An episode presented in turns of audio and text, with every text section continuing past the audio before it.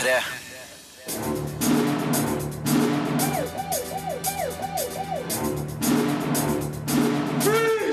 Filmpolitiet! What's your name, dude? Birger Vestmo.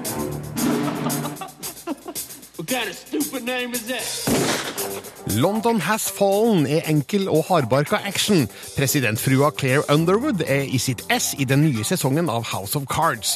Welcome to Norway er smart, morsom og underfundig. Hail Cæsar er Cohen-brødrenes fornøyelige hyllest til det gamle Hollywood. The Legend of Zelda Twilight Princess er et magisk eventyrspill. Og The Fifth Wave er en dårlig kopi av bedre filmer. Alt det her og mer til i dagens utgave av Filmpolitiet Filmpolitiet anmelder film. Welcome to London, Mr. President. What's wrong? Nothing. Bugs the hell out of me. Actionfilmen Olympus Has Fallen ble en uventa pen suksess for Gerard Butler og Aaron Eckhart i rollene som henholdsvis livvakt og USAs president. Derfor får vi oppfølgeren London Has Fallen, der handlinga naturlig nok forflytter seg fra Det hvite hus til Storbritannias hovedstad. Regissør Babak Yanafi, kjent for Snabba Cash 2, går hardt til verks med stygge voldsscener, et gjennomført driv og Butler som nærmest parodisk tøff helt. Det her er alt annet enn subtil og sofistikert filmkunst, men London Has Fallen fungerer greit på sine premisser som enkel og hardbarka action. Hell of a presidential race, sir. Every day the same damn joke. What the hell they make you out of? Bourbon and poor choices. Den britiske statsministeren dør uventa. Statsledere fra hele verden kommer til begravelsen, deriblant den amerikanske presidenten Benjamin Asher, spilt av Aaron Eckhart. Som vanlig beskyttes han av et Secret Service-team ledet av agenten Mike Banning, spilt av Gerard Butler. Et massivt terrorangrep sender dem på rømmen gjennom Londons gata, på flukt fra den internasjonale våpenhandleren Amir Barkawi, spilt av Alon Abutbol, som er på jakt etter hevn fordi deler av familien hans ble drept i et amerikansk droneangrep. to our friends in the West. Bakawe. Number six on the ten list. What do you want? Your president. Historiens utgangspunkt er kanskje ubehagelig aktuelt, men manuset gjør London Has Fallen unødvendig sort og hvit. En mer nyansert tilnærming til både handling og figurer hadde gjort filmen mer interessant. Det den er best på, er tett og intens action med blodige konsekvenser. 15-årsgrensa bør virkelig overholdes her. I en verden av snille actionfilmer retta mot lavere aldersgrenser, er det befriende å få en film med såpass brutalt innhold. Pent er det ikke, men det er tøft og effektivt. Spesielt imponerende er en lang kampsekvens gjennom en trang London-gate, tilsynelatende filma i én tagning. You don't let them take me. If it comes to it, I want you to kill me. That's an order. London Has Fallen forsøker så godt den kan å være en storskalafilm på et budsjett. Mange av de store effektene og eksplosjonene er åpenbart av det litt billigere slaget, med et altfor digitalt preg, men fungerer greit nok. Regissør Babak Janafi fikk jobben bare en måned før innspillinga starta, da den forrige slutta. Jeg syns han har greid å hale i land en respektabel actionfilm som ikke får noen pluss i margen for interessant persongalleri eller tankevekkende manus, men som vil tilfredsstille actionglade kinogjengere som ønsker litt tøffere underholdning. Mike, we're getting you out. Go, go, go! Rooftop, three o'clock! Terningkast fire Filmpolitiet. på P3. I dag slapp Netflix hele den fjerde sesongen av sin flaggskipsserie House of Cards. Det betyr at det ligger 13 nye episoder å vente på dem som er spent på hvordan det går med Frank og Claire Underwood når den amerikanske presidentvalgkampen starter for alvor. Kollega Sigurd Vik har sett de første sju episodene. Filmpolitiet anmelder TV-serie. I saw a future. Our future. We had a future until you started destroying it. Claire Underwood er stjerna i House of Cards sin fjerde sesong, og Robin Wright imponerer som den svært ambisiøse førstedamen. Tilbakeholden og fasadesterk med en iskald eleganse som stikker som en kniv når hun trenger å demonstrere sin nådeløshet. Politikerdramaet er fremdeles stilfullt, velkledd og smart serieselskap. Og House of Cards får inn kjærkommen energi etter hvert som den amerikanske presidentvalgkampen drar seg til, med nye fjes og gamle hemmeligheter. Men det er noe tamt over sesong fire. Dette er ikke lenger en serie som flerrer tenner og trekker oss inn i forrykende og fornøyelig maktspill. Dette er kontorkonspirering fortalt med innestemme. You have no idea what it means to have nothing. Det er faktisk mer galskap i den virkelige amerikanske valgkampen enn det som serveres i House of Cards. Det sier kanskje mer om amerikansk politikk i 2016 enn amerikansk TV-drama. Men House of Cards er en serie som skapte sin suksess på å være hakesleppende brutal og drøy. Midtveis i den fjerde sesongen er det fremdeles de blodige hendelsene i sesong én og to som gir det beste drivstoffet for spenninga. You don't value what we have achieved. Den skruppelløse president Frank Underwood, spilt av Kevin Spacey, mangla en real utfordrer til maktkampen i forrige sesong. Det får han så det svir når førstefruen går grundig lei av å spille andrefiolin til sin maktgrådige ektemann. I Underwood-paret er det så langt Claire som har vært minst drittsekk, men hun viser seg vel så ussel og dyktig som sin mann når hun er motivert for å klatre på karrierestigen. Hun får også god hjelp. New Campbell er et godt tilskudd til rollelista, og hennes Leanne Harvey er en frisk karakter med potensial til å både velte og berge lasset. House of Cards holder på alle signaturtrekkene som har gjort serien til Netflix' store flaggskip. Her er kostymene, pratinga til kamera og de symboltunge bakgrunnene. Men serien har ennå ikke fått dreis på dramaturgien etter at Underwood fikk plass i Det hvite hus. De stilrene overflatene er i ferd med å bli steril, og den kjølige tonen i kulisser og arkitektur blir kjedelig i mangel på kontrasten til Washingtons bakgater, T-banestasjoner og redaksjonslokaler som vi har sett tidligere. Men det her er sånn det ser ut halvveis i løpet. Mye av det vi har sett, er posisjonering for det som skal utfolde seg i sesongens andre halvdel. Og her er det mer enn nok av spennende karakterer, konspirasjoner og nyhetsaktuell nærhet til at jeg ser fram til å få med den fiktive valgkampen i 2016. Terningkast fire.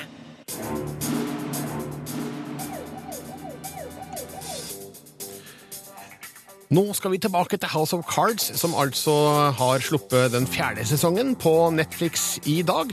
Fansen får stift bekjentskap med et nytt ansikt her. Nev Campbell spiller den kalkulerende PR-rådgiveren Leanne Harvey, som blir en sentral person i førstedame Claire Underwoods politiske liv. Campbell er først og fremst kjent fra Skrik-filmene, og var storfan av House of Cards lenge før hun fikk en rolle der. NRKs London-korrespondent Espen Aas møtte hun i London nylig. You have no idea what it means to have nothing. De politiske maktkampene i House of Cards tiltar i styrke idet vi når sesong fire. En av dem som hjelper til med nettopp det, er PR-rådgiveren Lian Harvey, som vies mye plass i denne sesongen. Future. Future. Hun bistår nemlig den svært målrettede Claire Underwood, president Francis Underwoods kone, i prosessen med å nå sine ambisiøse politiske mål. Det er kanadiske Nev Campbell som spiller PR-rådgiveren, og det syntes hun var stort. I was a big fan of this show already um, when I was cast. I mean, the writing is brilliant. The concept is great. I think it's fun to look into this world. I think we're all curious about politics and what you know what happens behind the scenes. You don't value what we have achieved. Og det er mye spill i kulissene. En som gjør et slags comeback, iallfall ser vi mye mer til ham i denne sesongen enn på lenge, er Dog Stamper, presidentens stabssjef, spilt av Michael Kelly. I forrige sesong var han en plaget mann med store personlige problemer. Nå er han tilbake for fullt, like kynisk som han en gang var. Og hva tenkte så Kelly da han åpnet manuset denne gangen? really that, that they cared enough about that character to write about him and explore his relationships with all the wild people he's had, he has. You know, it's a yeah, it's a trip. Og forresten, gjett hvem seriens nykommer har som sin favoritt i House of Cards. Stamper.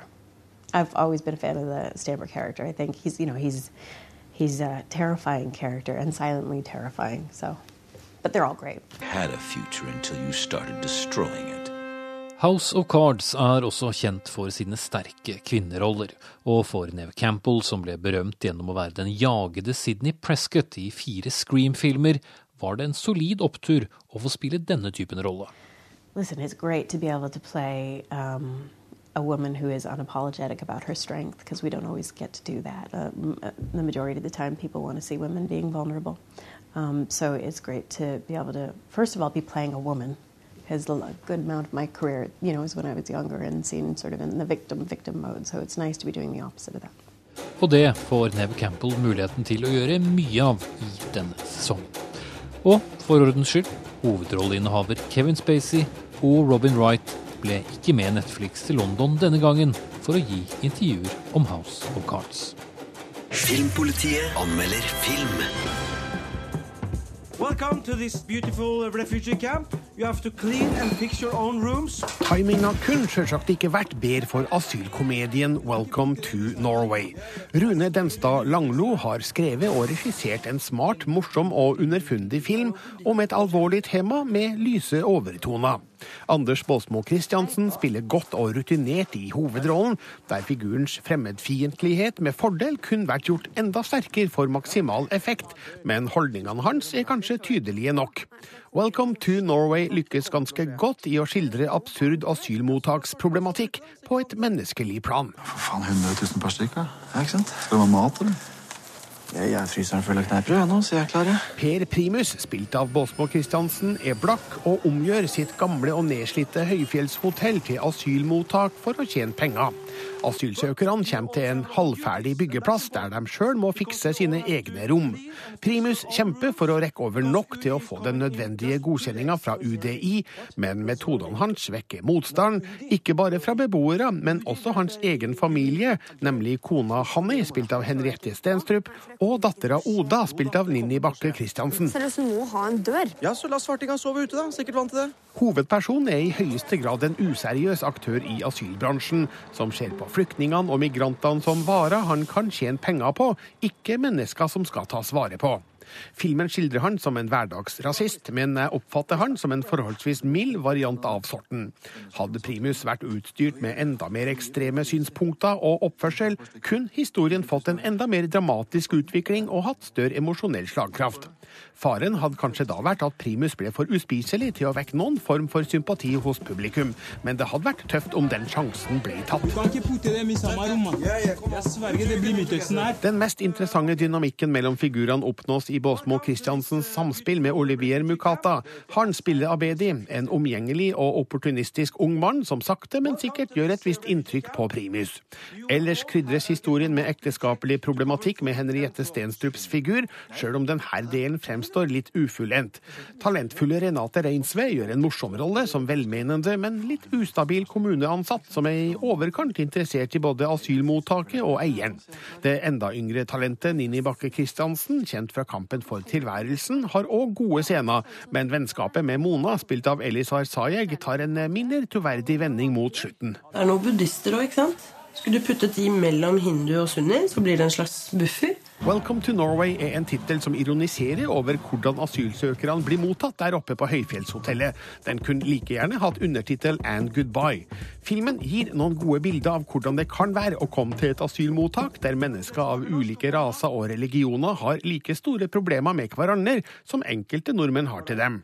Rune Denstad Langlås film har gode kvaliteter på både lyd- og billedfronten, takka være Ola Kvernbergs musikk, Gisle Tveitos lyddesign og Philip Øgårds foto, ved siden av å ha en brennaktuell historie skrevet med glimt i øyet av regissøren sjøl. Welcome to Norway ønskes derfor absolutt velkommen. Dårlig anlegg. Jeg er ikke dimensjonert for at hele jævla Afrika skal varme seg på det.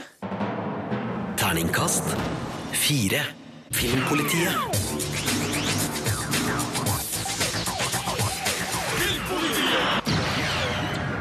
Jeg har fått selskap av Marte Hedenstad og Sigurd Vik. Hallo! God dag, Birger. Vi skal snakke litt om interessante ting som skjer på film- og seriefronten, og da må vi starte med det her. Bare på de trommene der så tror jeg enkelte skjønner hva det skal handle om, men for de uinnvidde, Sigurd, hva hører vi her nå? Strand, sol og temaet fra TV-serien Baywatch! Yes! En eh, god gammel 90-tallsrøver, for dem som eh, husker den slags. Marte, var du fan av Baywatch? Oh yes, Ja, jeg elska Baywatch. Eh, egentlig litt, litt rart, men jeg, jeg syns det var kjempegøy å, å se. Så det var, det var ikke bare for gutta. Nei, men det, det var mye for gutta òg. Ja, og så er det jo sånn med, med Baywatch at uh, det er noe på gang der. Ja. Det er det vi skal snakke om nå. Ja, det, det, det kommer en film neste år, i mai. Eh, Dwayne Johnson, aka The Rock, skal spille eh, signaturrollen Mitch Buchanan. Og eh, det skal være en blanding av Anchorman og Avengers, visstnok, det her. Og så er jo det store spørsmålet, da. Hva med David Hasselhoff, altså sjølveste Baywatch-duden? Og nå har vi fått svar på det. Hva er svaret? Jeg, jeg tror vi har svaret direkte fra muren til The Rock. jeg. Hey, listen, I don't know if the world is ready for both of us. Are you ready? Come on, man. Rocking the Hoff. I was born ready. He was born ready. There ain't no Bay without the Hoff. Baywatch, get ready, world. All right. Den her bomba slapp uh, The Rock på sin Facebook-konto i går, tror jeg det var. Altså, Han er da her i samtale med David Hasselhoff og får med seg The Hoff til å bli med i Baywatch-filmen som kommer neste år. Men altså, hvordan skal, kan man ha med Hoff uh, i en film uh, hvor en annen spiller hans signaturrolle? Det er jo Eh, litt rart. Er, kanskje, er det snakk om junior og senior her, eller? Haglandet vet. Og jeg tror kanskje ikke sånne logiske problemstillinger er så vanskelig for denne Baywatch-filmen. Jeg ser for meg at det skal gå rimelig greit. Det er to, det er to karer som heter det samme. Jeg tror på det. Altså, hvem bryr seg egentlig? Men det er jo morsomt at Hasselhoff blir med i Baywatch. eh, Så kan man jo spørre seg hva annet driver han på med for tiden? Ok, vi skal over til noe annet som skal skje denne sommeren, og traileren til den nye Ghostbusters kom på nett i går. We have dedicated our whole lives to studying the paranormal. Now there's sightings all over the city. There are people out there that need our help. We can provide a real service. Ok, det er 30 år siden den originale Ghostbusters kom, eller ja, faktisk 32. Sånn at det det er mye nostalgi inne i bildet for de som husker den første filmen. Eh, Hvordan syns dere den eh, remaken ser ut, eller den rebooten ser ut på de bildene som er offentliggjort? Jeg, syns, altså, jeg, jeg har egentlig vært skeptisk hele veien, men jeg, jeg syns det virka litt morsomt. Det, Det syns jeg jeg syns det var artig. Ja. De damene som er med, virker lovende. Jeg liker at uh, det er ikke bare referansehumor til Ghostbusters heller. Uh, I traileren så er det noen uh, ja, la oss kalle det skrekkfilmreferanser som mange vil glede seg over, bl.a. fra Eksorsisten. Altså, det- de, de tar jo og, og hyller og, og lager humor av flere elementer her, så jeg syns det ser fint ut. Det virker kledelig rappkjefta, men ikke dumt rappkjefta. Altså, det er, det er noe smartness inni her. Mhm. Vanskelig å spå på en trailer, men jeg òg liker det jeg ser. Og jeg syns uh, Melissa McCarthy eh, spiller akkurat sånn som jeg forventer, og, og det er et nivå som er høyt, og det liker jeg. Ja, Kristen Wiig også. Morsomme damer, det her. Og Chris Hemsworth er også med i en eller annen funksjon, som vi vel får vite når filmen har premiere. Funksjonen er å se han i, i bar over. Det, er- det er funksjonen. Helt grei funksjon. Og så er det mye grønn oppkast, spy, gurre, slim, akkurat som det skal være i Ghostbusters. Sigurd og Marte er fremdeles her for å snakke om ting som skjer i film- og spill- og serieverdenen. Det vil si, nå skal vi starte med Game of Thrones, da. eh, Som vi har snakka om en del ganger før, Marte. Men du er jo såpass stor fan at eh, vi, vi må nevne et eller annet når et eller annet er aktuelt. Og nå er det noe du er veldig sur for. Det er helt, helt krise. Altså, eh, jeg har jo blitt vant til å få se et visst antall Game of Thrones-episoder før alle andre. Men det får jeg ikke i år! Å nei da! Nei, Hvorfor ikke det? Fordi at HBO har valgt eh, å gjøre det sånn at de ikke sender ut noen som helst eh, anmeldereksemplarer til noen anmeldere i hele verden på sesong seks av Game of Thrones. Ja, og vi forventer jo ikke sympati fra lyttere fordi vi bortskjemte filmjournalister er vant med å få det sånn eh, ganske behagelig eh, på, på seriefronten. Men det som er spennende her, og som er nyheten for alle, er jo det enorme hemmelighetsholdet mm. vi nå ser fra Game of Thrones. Altså, De vil ikke ha noe slags lekkasjer av innhold i det hele tatt før serien er ute til publikum. Og hvorfor gjør de det sånn, Jo, Marte altså, tror Altså, det var jo fordi at I fjor så fikk vi en eh, gigantisk lekkasje der de første episodene av serien eh, rett og slett lakk. Eh, det som er problemet, er at det viser eller det, er liksom, Man regner med at det var distributørfolk som lakk disse episodene, ikke pressefolk. Så jeg føler at det er urettferdig. Nå spill. Det hørtes veldig offisielt ut. Og nå dataspill. Eh, det viser seg at eh, Far Cry eh, Primal World har brukt eh, samme kart i spill Ja! nummer tre og fire. Altså, Far Cry Primal det er jo liksom, det foregår jo i steinalderen. Eh, eh, og så ser det ut som at eh, Far Cry 4 eh, De har liksom stjålet kartet fra Far Cry 4. Altså, Fjellkjedene er på det samme stedet. Elveleiet er på det samme stedet. Dalene, altså eh, vannmassene. Alt ligger på det samme stedet. Så det er rett og slett latskap. De har tatt kartet fra Far Cry 4 og bare brukt det samme i Far Cry Primal. Ikke at jeg la merke til det sjæl da jeg spilte det, men eh, Nei, juks er juks. Spiller det noen rolle? Det er litt sånn latskap, da, men, men det ser jo fortsatt fint ut. Og Altså, er det latskap hvis en oppfølgerfilm bruker de samme kulissene som eh, Ja, men poenget er at uh, Far Cry 4 foregår i et eh, land som heter et fiktivt land, Kyrat i Himalaya, mens Far Cry Primal det foregår i Sentral-Asia. Altså to helt forskjellige steder som ser helt likt ut. Eh, tilbake til film nå, fordi Torbjørn Egners Dyrene i Hakkebakkeskogen er jo i ferd med å bli animasjonsfilm, og det første klippet er offentliggjort. Det er det. Ja. Med lyd og litt fra en, et Dagsrevyen-innslag i går. La oss høre litt på det. Det er utmerket. Gå i gang. Det er i gang. Jeg går utmerket. Ingen sang baker pepperkaker når man bare har en god pepperkakebakesang.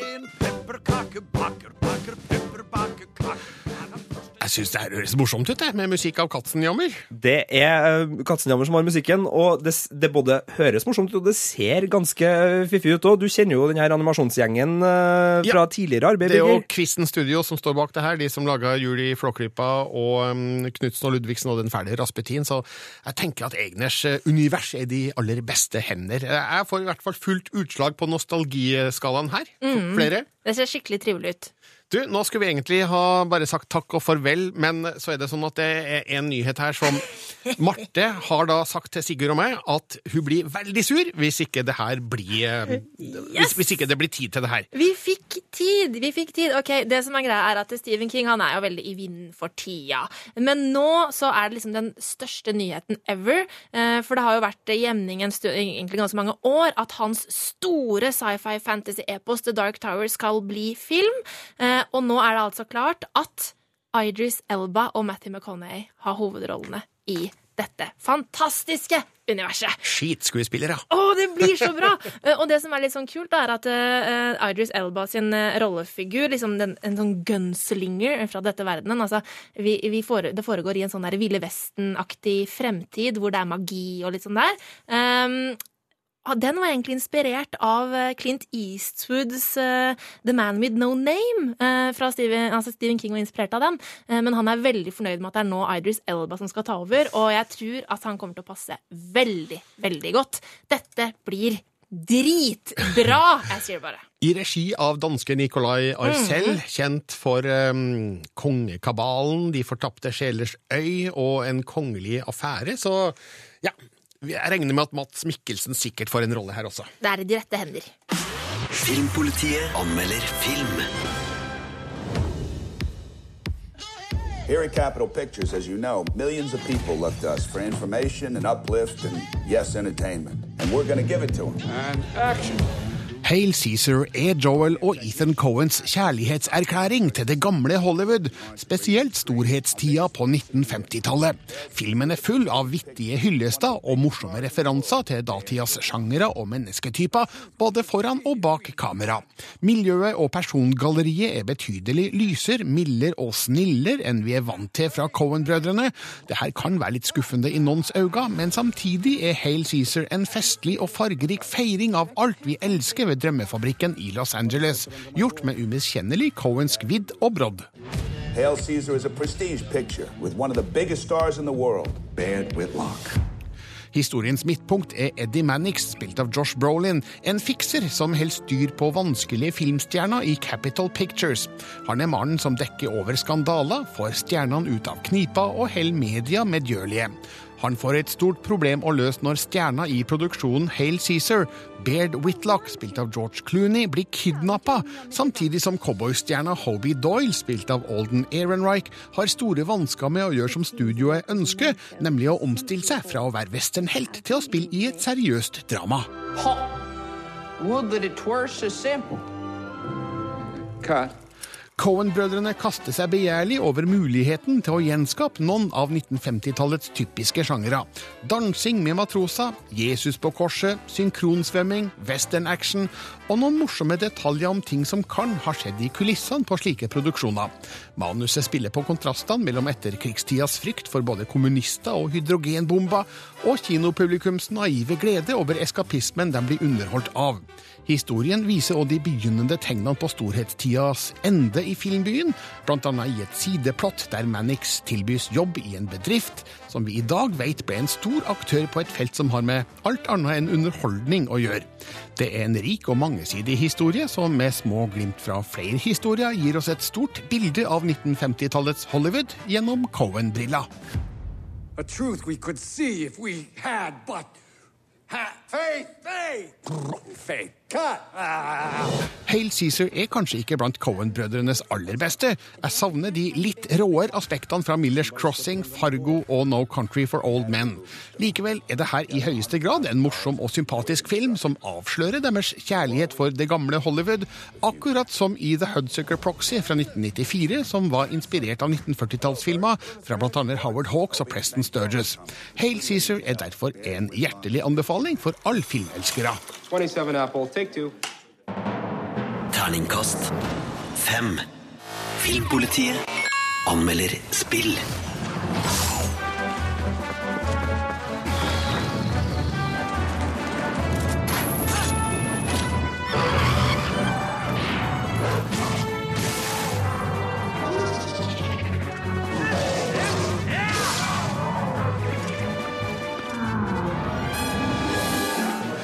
Da The Legend of Zelda Twilight Princess ble lansert i 2006, kom det både til GameCube og Wii.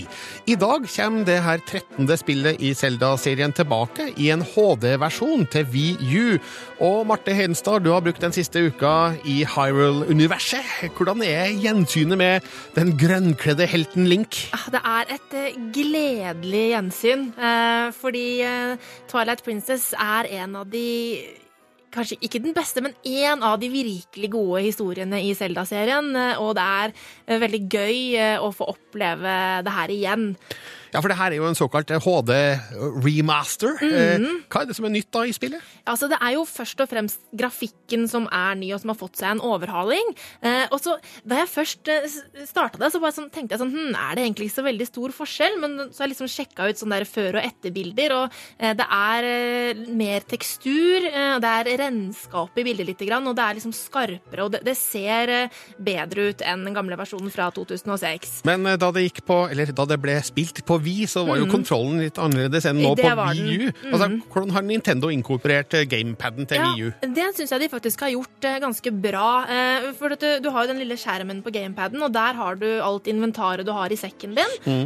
Og det er veldig lett å ta ting som du har i inventaret, og putte det på de riktige knappene du vil at det skal være på gamepaden. Og så har du også kart der og sånn, så det fungerer egentlig veldig bra. Det som jeg syns er litt vanskelig, er at det, det er litt lite presisjon i gamepad-kontrollene. Sånn at av og til kan det være litt sånn vanskelig når det krever presisjon å styre rundt, så kan det være litt knotete. Men du, sjøl om det nå har blitt pussa opp, så er jo The Legend of Zelda Twilight Princess eh, ti år gammelt. Altså, Mm. står det seg? Og det gjør det. det gjør det, fordi at historien er der, og historien er absolutt like spennende og fin i dag som den eh, var for nesten ti år siden. Og eh, det som jeg syns er fint, er at man kan jo liksom si veldig mye om at å, Nintendo gjenbruker bare gamle ting, og nå må de komme med noe nytt og sånn, men jeg syns det her er en fin måte å løfte en gammel eh, spillklassiker opp på for eh, nye spillere. Og The Legend of Zelda Twilight Princess har ny-release i dag, altså, til Wii U.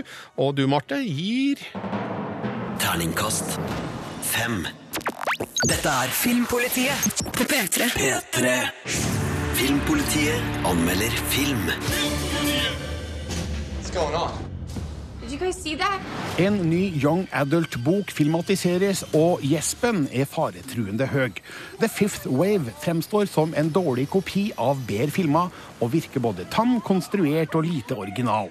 Chloé Grace Moretz sliter i rollen som handlekraftig heltinne, men er i hvert fall bedre enn karene i historien, som er bleike kjekkaser uten karisma. Når historien ikke er mer spennende enn den er, blir The Fifth Wave et unødvendig sci-fi-drama som sliter med å oppnå middelmådighet. Oh my god.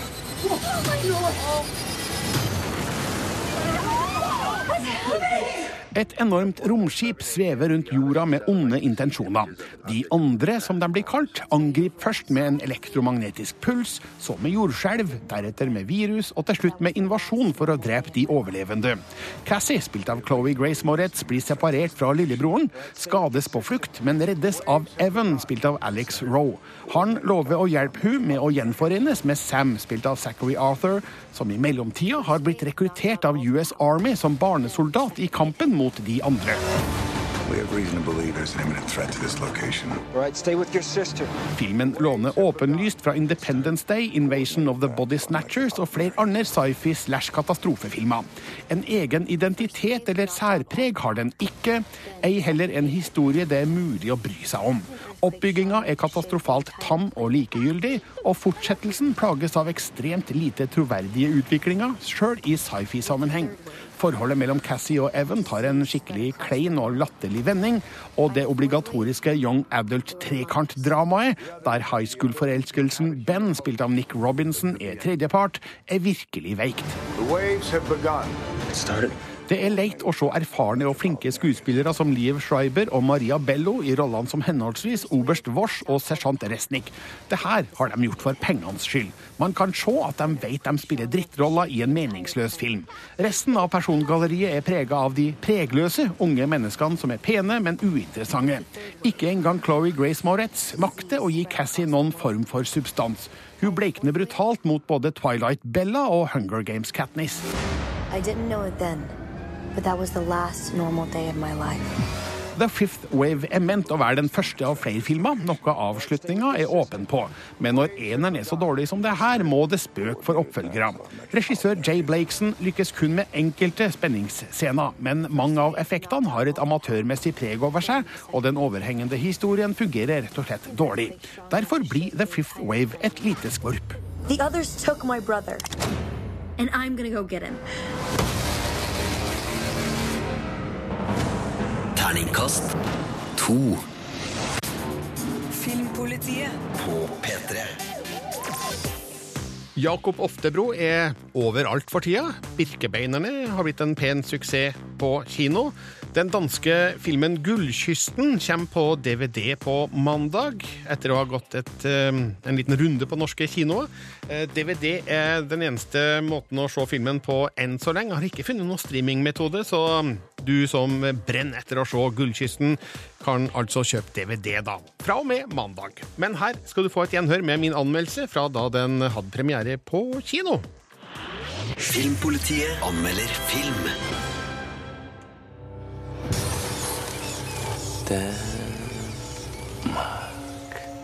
Jakob Oftebro imponerer med sin hovedrolle i den danske filmen 'Gullkysten', som forteller en historie med dansk kolonistyre i Afrika på 1830-tallet som bakteppe.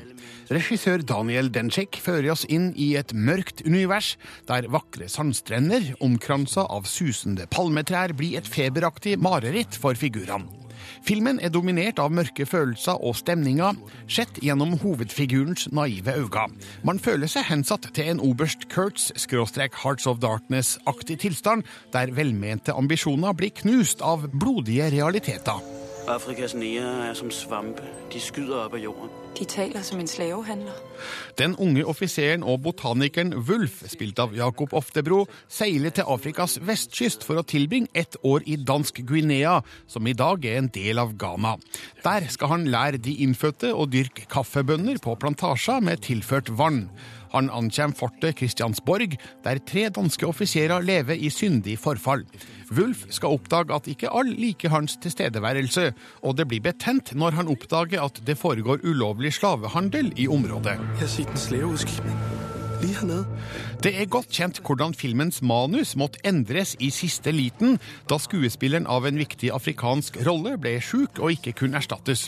Det gjør det desto mer imponerende at Daniel Denchik og medmanusforfatter Sara Isabella Jønsson Vedde faktisk har greid å lage en sammenhengende historie med spennende tematikk og klare konflikter. Riktignok har fortellerteknikken tidvis svevende, drømmende og litt forvirrende aspekter, men det her er med på å beskrive figurenes sinnstilstand. De er fanga i en helvetes idyll, fylt av hedonisme og menneskeforakt, som filmen skildrer godt og brutalt. Din sjel, der kjenner kender kysten, der taler. La oss nå alle minnes fædrelandet. Twin Peaks-komponisten Angelo Badalamenti har laga syntbasert musikk som er både vakker og foruroligende på samme tid. Den understreker kontrasten mellom det paradisiske landskapet og de dystre handlingene som utføres der. Jakob Oftebro spiller gnistrende godt, og gjør det interessant å følge Wulfs vei fra ambisiøs idealisme til desillusjonert fortvilelse. Noen av hans handlinger kan være litt vanskelige å begripe, men Oftebro spiller han med en nerve, intensitet og spennvidde som gjør det umulig å ikke bli engasjert. Filmens største svakheter ligger kanskje i den ensidige portretteringa av afrikanere som anonyme, hjelpeløse og viljeløse slaver. Oftebro er dens største styrke. Fiber har en utrolig sterk innbindingskraft. Det er så få av deres slags. Terningkast fire. Les mer om film, spill og serier på p3.no Filmpolitiet. Hør flere podkaster på nrk.no podkast.